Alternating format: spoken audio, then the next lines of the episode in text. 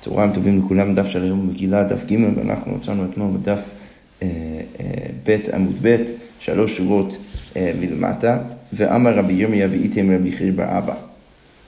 אתמול סיימנו את הדף עם עוד אמירה כזו של רבי ירמיה, או בשם רבי חייא בר אבא, ולכן אנחנו פשוט ממשיכים כאן עכשיו עם עוד כמה אמירות שלו.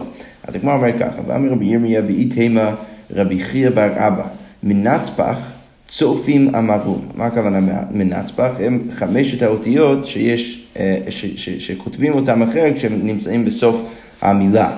עכשיו, הגמרא אומרת שהצופים, מה שאומר מי, מי הם הצופרים? נביאי הדורות. אז נביאי הדורות הם האנשים שאמרו ובעצם קבעו את זה שצריך לכתוב את האותיות האלו בצורה אחרת כשהם מגיעים בסוף המילה. אז הגמרא אומרת, ותסבר אם זה באמת נכון שהם יכולים לעשות דבר כזה, וכתיב, הרי כתוב אלה המצוות ומה לומדים מה, מהפסוק הזה? שאין נביא רשאי לחדש דבר מעטה, שזה מלמד אותנו שהנביא לא רשאי לחדש שום דבר, איך, איך אתה יכול לבוא ולהגיד שהנביא או הנביאים בעצם חידשו את זה שצריך לכתוב את המילים האלה בצורה אחרת. ועוד, וגם כן אמר רב חיסדא מ' וס' שבלוחות בנס היו עומדים, ויש לנו גם עוד אמירה של רב חיסדא שמעיד על זה שהיה דבר כזה מ"ם סופית אפילו בזמן נתינת התורה, בזמן הלוחות. מאיפה אנחנו לומדים את זה? כי יש אמירה של רב שבא ואומר שהמ"ם והסמ"ך שבלוחות היו עומדים בנס. מה הכוונה היו עומדים בנס? כי הרי, אשכרה מסביר, כשהקדוש ברוך הוא הביא את הלוחות למשה, אז הם היו חקוקים צד אחד של, של, של, של הלוחות לצד השני שלהם. ולכן, אה, אה, אם אתה מדבר על, על, על אות כמו מ' וס', שזה עושה מעגל שלם, אז יוצא שהאמצע צריך לעמוד שם בנץ, כי הוא לא מחובר לשום דבר. אז אם אנחנו רואים אצל רב חיסדא שכבר בנתינת הלוחות המם היה עומד בנס, אז זה אומר שכבר היה דבר כזה, מם סופית, אפילו בזמן הלוחות. אז איך אתה יכול לבוא ולהגיד שהנביאים קבעו?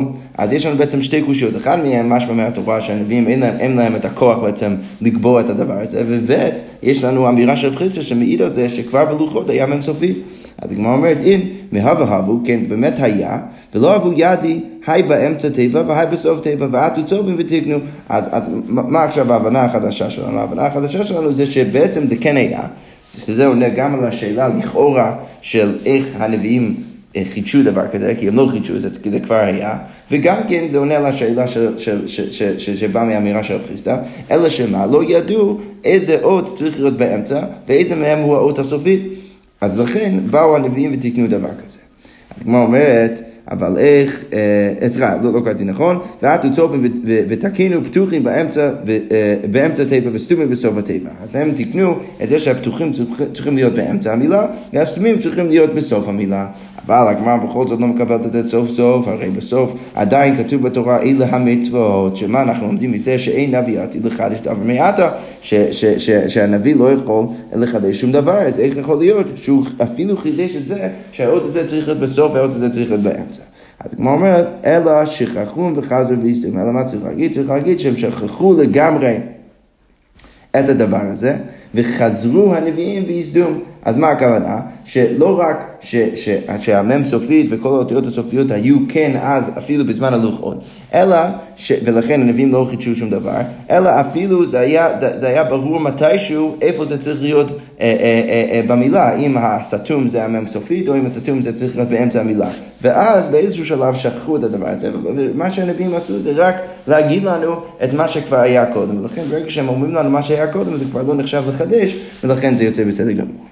אוקיי, עכשיו אנחנו נראה עוד אמירה אשר בירמיה, ואמר בירמיה ואיתם רבי חייא בר אבא, תרגום של תורה, אונקלוס הגר אמרו. אה, אה, מפי רבי אליעזר ורבי יהושע. אז, אז התרגום שיש לנו של התורה, לפחות שהיה אז לרבי ירמיה, אולי זה אותו תרגום שיש לנו עכשיו, זה התרגום של אונקלוס הגר, שהוא אמר את זה אה, מפי רבי אליעזר ורבי יהושע. ישר אחרי, או, או, או קצת אחרי חורבן הבית השני, אז אונקלוס בא ותרגם את התורה מפי רבי אליעזר ורבי יהושע.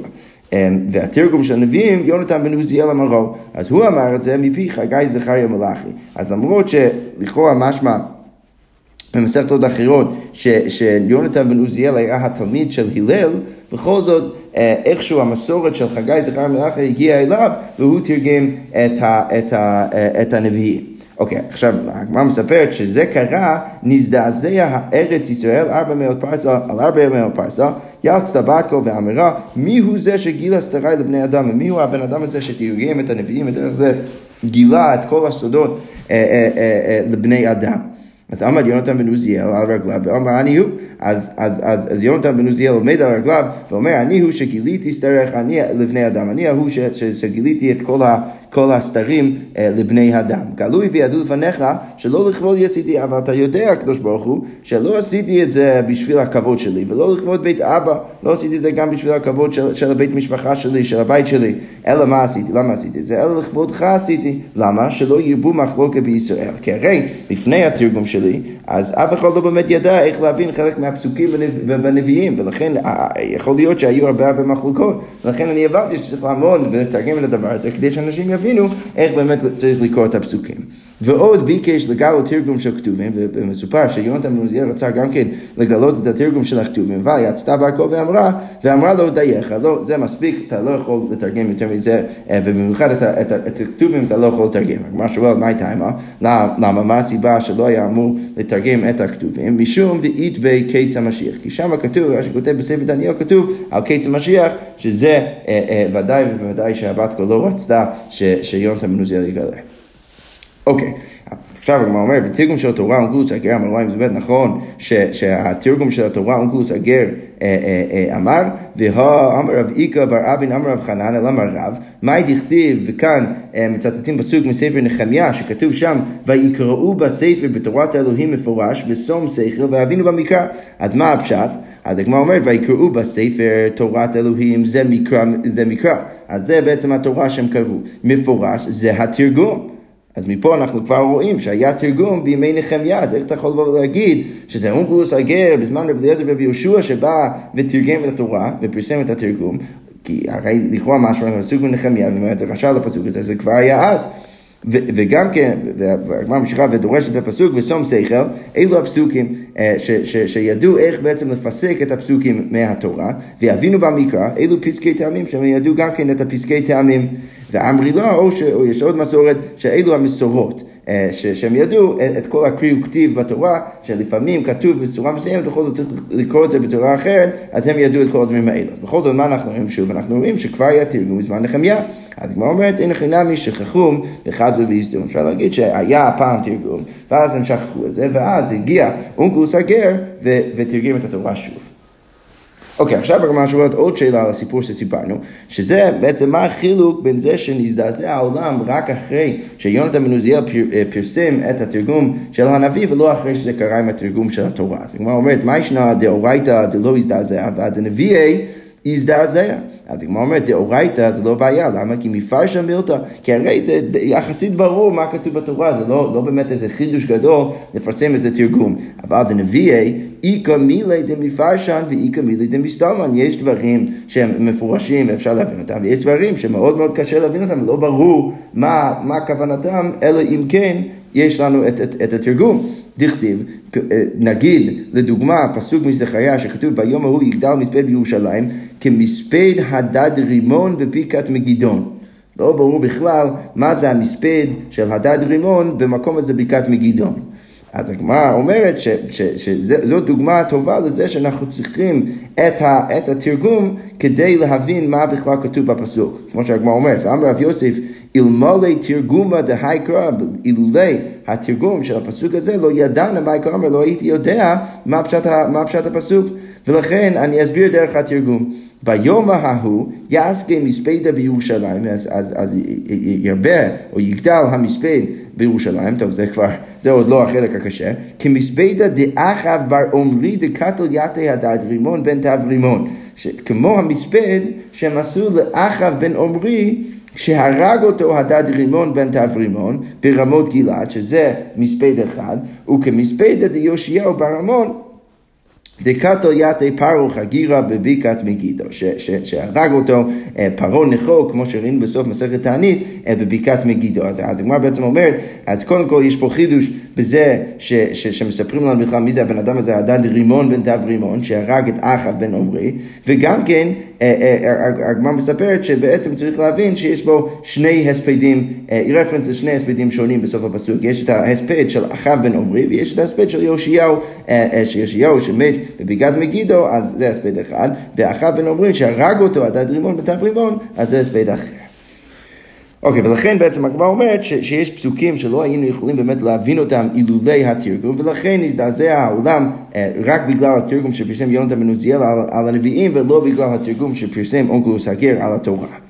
אוקיי, okay, אז הגמרא אומרת, וראיתי אני דניאל לבדי את המראה והאנשים אשר היו עימי, אה, והאנשים אשר היו עימי לא ראו את המראה הזה. אז דניאל מספר שהוא ראה איזשהו מראה, אבל האנשים שהיו איתו לא ראו את המראה, אבל חרדה גדולה נפלה עליהם. בכל זאת, חרדה גדולה נפלה עליהם, אה, ומספר דניאל, ויברחו אה, בהיחווה, הם, הם, הם, הם ברחו מהמקום כדי להחביא את עצמם.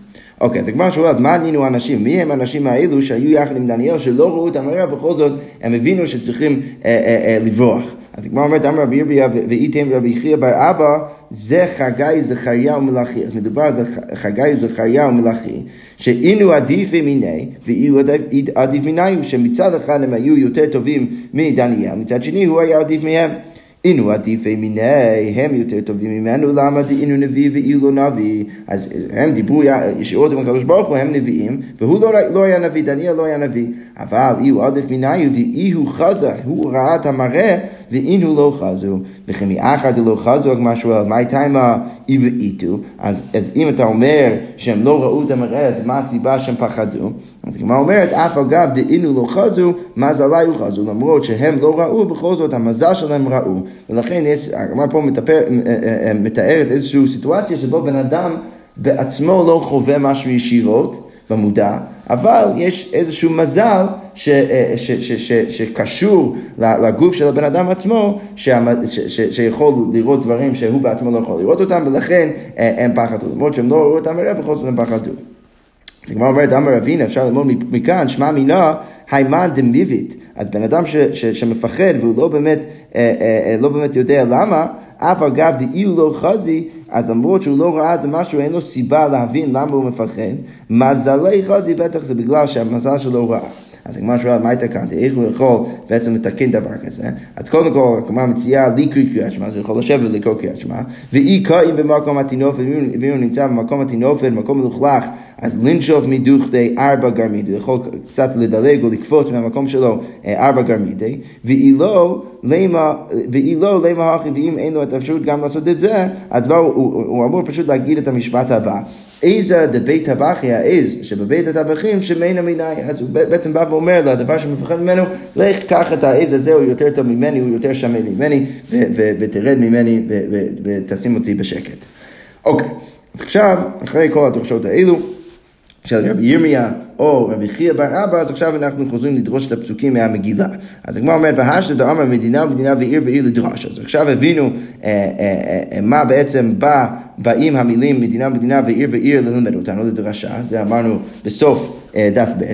אז עכשיו הגמרא שואלת משפחה ומשפחה למעט. אז למה כתוב במגילה משפחה ומשפחה? ושוב, כתוב שם, והימים האלה נזכרים ונעשים בכל דור ודור משפחה ומשפחה, מדינה, מדינה ועיר ועיר. אז אנחנו דרשנו את המדינה, מדינה ועיר ועיר. עכשיו אנחנו מנסים להבין מה הכוונת המשפחה ומשפחה. אז הגמרא אומרת, אמר רבי יוסי בר חנינא, להביא משפחות כהונה ולוויה שמבטלים אותנו באים לשמוע מכמגילה. זה מלמד אותנו שאפילו הכהנים והלוויים שעובדים בבית המקדש, אז הם צריכים לוותר מהעבודה שלהם, ובאים לשמוע מקרא מגילה.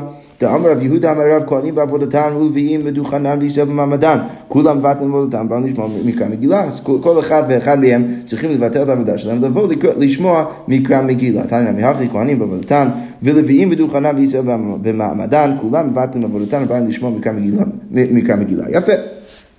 אוקיי, והגמרא אומרת, מכאן סמכו של בית רבי שמבטלים תלמוד תורה ובאים לשמוע מקרא מגילה מקו החומר.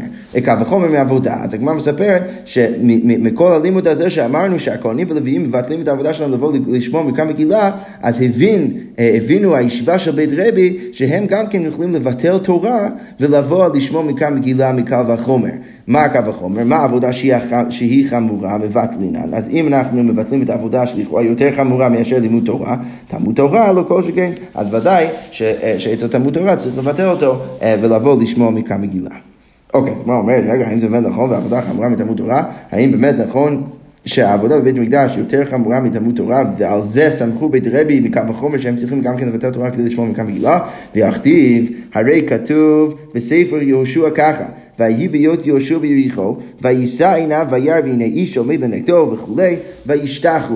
אז, אה, אה, אז, אז מסופר על, על זה שיהושע ראה איזה איש אה, באמצע הלילה וחרבו שלופה בידו וילך יהושע אליו ויאמר לו לנו אתה אם לצרינו האם באת לטוב או, או, או לנגדנו? ויאמר לו כי אני שר צבא השם. אז, אז הבן אדם אומר לו שהוא שר צבא השם ולכן יהושע משתחווה לו ושואל אותו למה הוא הגיע אוקיי, עכשיו, קודם כל הגמרא שואל, ואיכי אבירכי, איך הוא השתחווה לשר צבא לבן אדם הזה? והאמר יהושע בן לוי, רבי יהושע בן לוי, אסור לאדם שייתן שלום לחבר בלילה.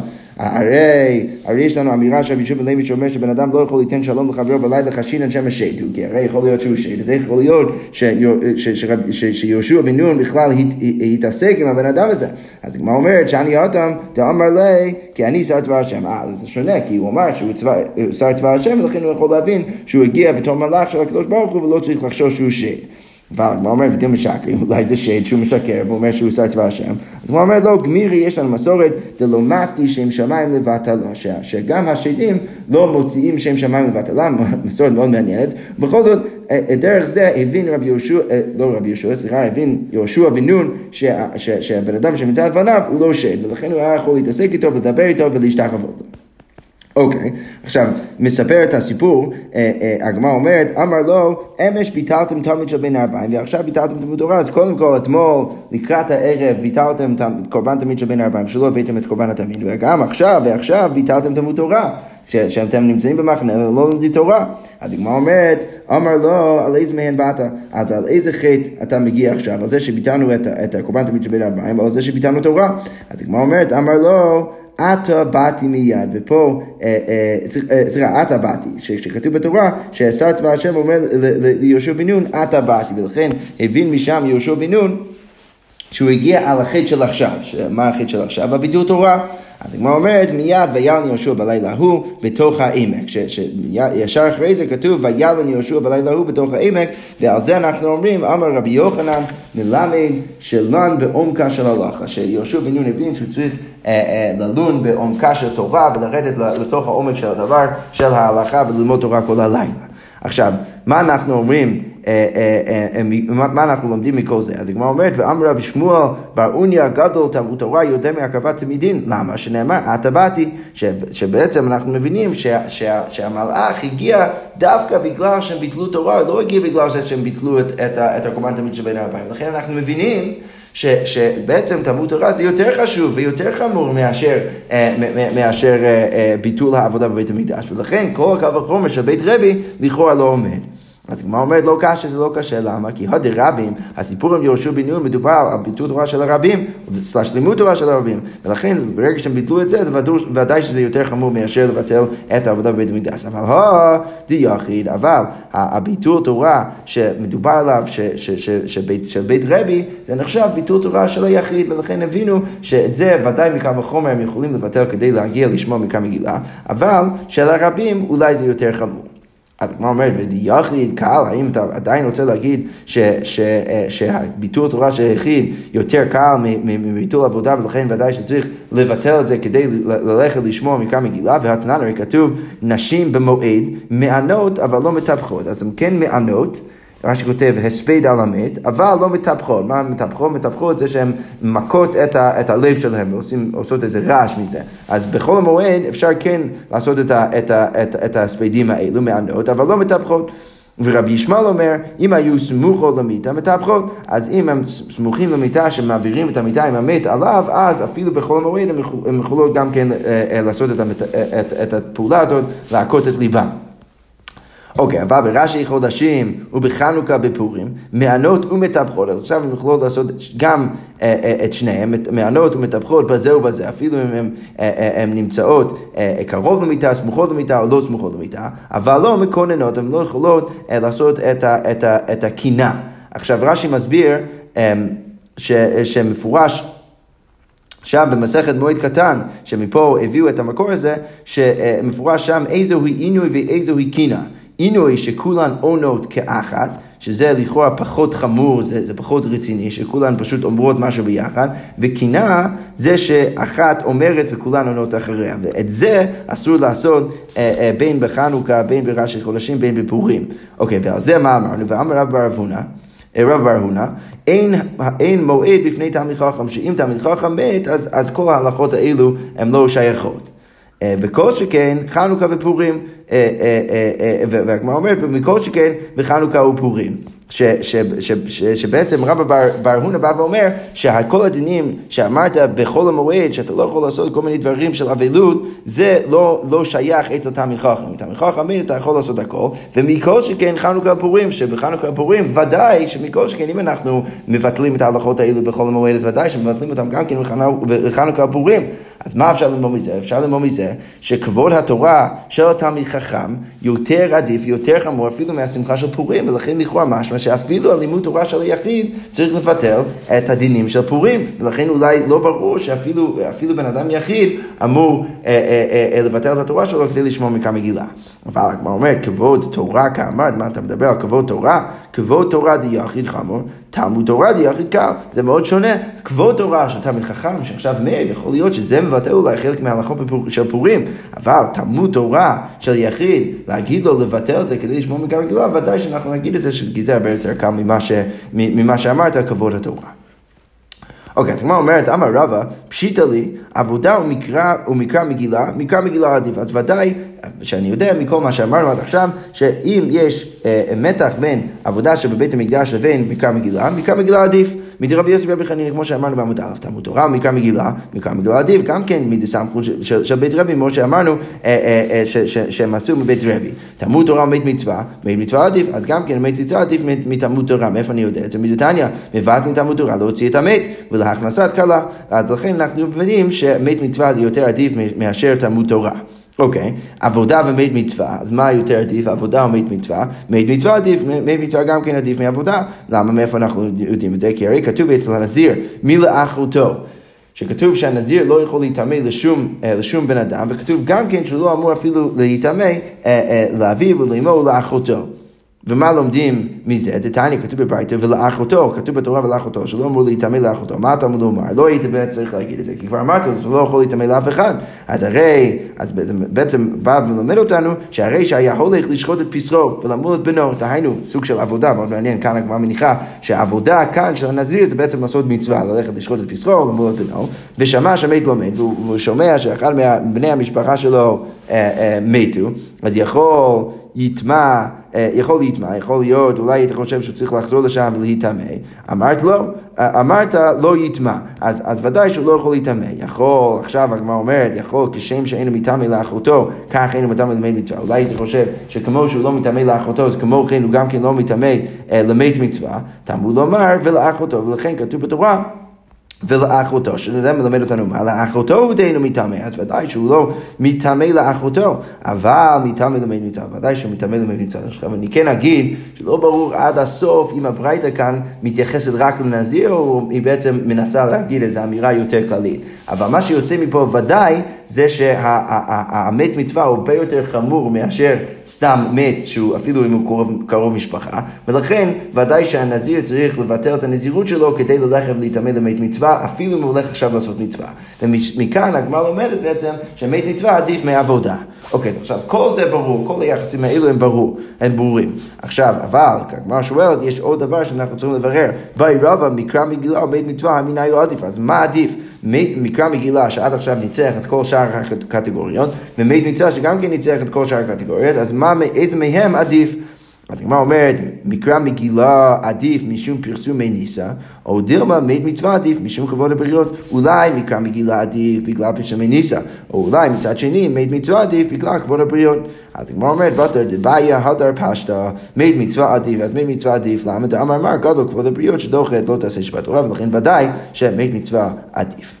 אוקיי, okay, עכשיו אנחנו נחזור לאמירה שראינו בסוף הדף אתמול. אמירה של רבי יהושע בן לוי, אז כבר אומרת, גופה אמר רבי יהושע בן לוי, כרך וכל הסמוך לו וכל הנראה עמו נידון ככרך. אז אמרנו ש, שהדין שנמצאים, הכרכים מוקפים ממות אה, יהושע בן נון קוראים את המגילה בט"ו, ופה רבי יהושע בן לוי אומר שזה לא רק האנשים שנמצאים בתוך הכרך ממש, אלא כל הסמוך לו וכל הנראה עמו נידון, נידון ככרך. אז הגמרא אומרת, תנא סמוך אף על פי שאינו נראה, נראה אף על פי שאינו סמוך, הרי כתוב שתי פרמטרים שרבי יהושע בן לוי מביא, הוא מביא סמוך ונראה. אז כתוב בברייתא שאתה לא צריך את שניהם, אתה צריך רק אחד מהם. אז אפילו אם אתה סמוך, למרות שלא נראה, אבל נראה אף על פי שאינו סמוך, אז, אה, אה, סליחה, למרות שאתה סמוך ולא נראה, וגם כן אם אתה נראה ואינו סמוך, אז בכל זאת זה נחשב כמספיק קשור לכרך כדי לקרוא איתו יחד את המגילה. אז הגמרא אומרת, בשלמה נראה אף על פי שאינו סמוך משכח לה כגון דיאטו בראש ההר. אז אם העיר נמצא בראש ההר, אז אפשר להיות... אפשר לראות אותו אפילו אם אתה במקום רחוק. לא ברור אם, זה מוסב על העיר או מוסב על האנשים ש, שסמוכים לעיר. יכול להיות שדווקא האנשים שסמוכים לעיר נמצאים על ראש ההר ולכן הם יכולים לראות למרות שהם לא באמת סמוכים לעיר, אפשר גם כן להגיד את זה הפוך.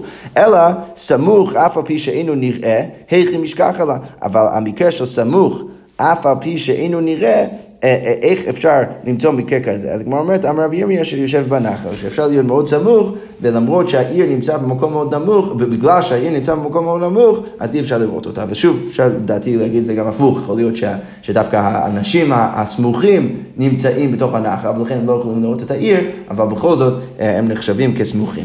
בכל זאת אנחנו אומרים בעצם שכל האנשים האלה הם נחשבים כסמוכים לעיר, ולכן הם קוראים יחד עם, עם הכרך באותו יום שהוא קורא את המגילה.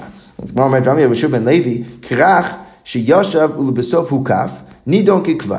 אז אני, אני אגיד משהו, משהו כאן על הגמרא, שבעצם מהלשון של הגמרא הייתי אומר בפשטות, שרבי יהושע בן לוי מתכוון לדינים של, של, של קריאת המגילה. שאם מדובר על כרך שמוקף חומה מישור בן נון, אבל זה כרך שקודם כל ישבו שם והתיישבו ועשו, ועשו מזה איזשהו מקום של, של, של, של התיישבות, ורק בסוף הוקף, אז בא רבי שוב בן לוי ואומר שזה נידון ככבר, ולכן לא קוראים את הט"ו, אלא נידון ככבר שצריכים אז לקרוא בימים אחרים.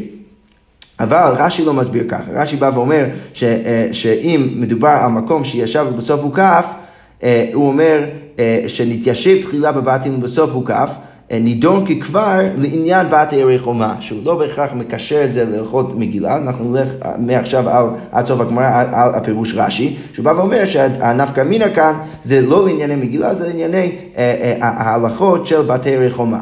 אז לפני שאנחנו נכנסים אה, אה, להמשך הגמרא, אז בואו רק נזכיר לעצמנו מה המדינים של בת ערי חומה. אז בדרך כלל כשבן אדם מוכר, אה, מוכר בית או שדה או משהו כזה, יש כל מיני דינים אה, סביב השאלה מתי הוא יכול להחזיר ולגאול את השדה שהוא מכר, אה, וגם כן כמובן ש, ש, שברוב הפעמים שייך גם הדין של יובל, שאם הוא עד שנת היובל לא גואל את השדה וזה לא מחזיר את זה אליו, זה יחזור אליו בכל זאת בשנת היובל והכל בסדר גמור. אבל אצל הדין הספציפי של בתי רחומה, אז כתוב בתורה שאם בן אדם אה, מוכר את אה, בית בבתי רחומה, אז קודם כל יש לו רק שנה לגאול את הדבר הזה, ואחרי שנה הוא כבר לא יכול לגאול את זה, עד היובל, וגם כן ביובל זה לא חוזר אליו. אז זה דין ספציפי שיש את בתי רחומה. אז לפי רש"י הגמרא אומרת שרבי יושב בן לוי בא ואומר שכך שישב ובסוף הוא קו, נידון ככפר. זה נחשב ככפר ולכן כל בית שם לא, אין, לא שייך בו הדינים של בית בתי רחומה. אז הגמרא אומרת מה הייתה? מה תכתיב? ואיש כי ימכור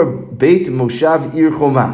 אז מה, מה הדרשה? אז מדובר על עיר חומה שהוקף ובסוף ישב, ש, שכל דרך שמגדירים את העיר זה דרך החומה שלה.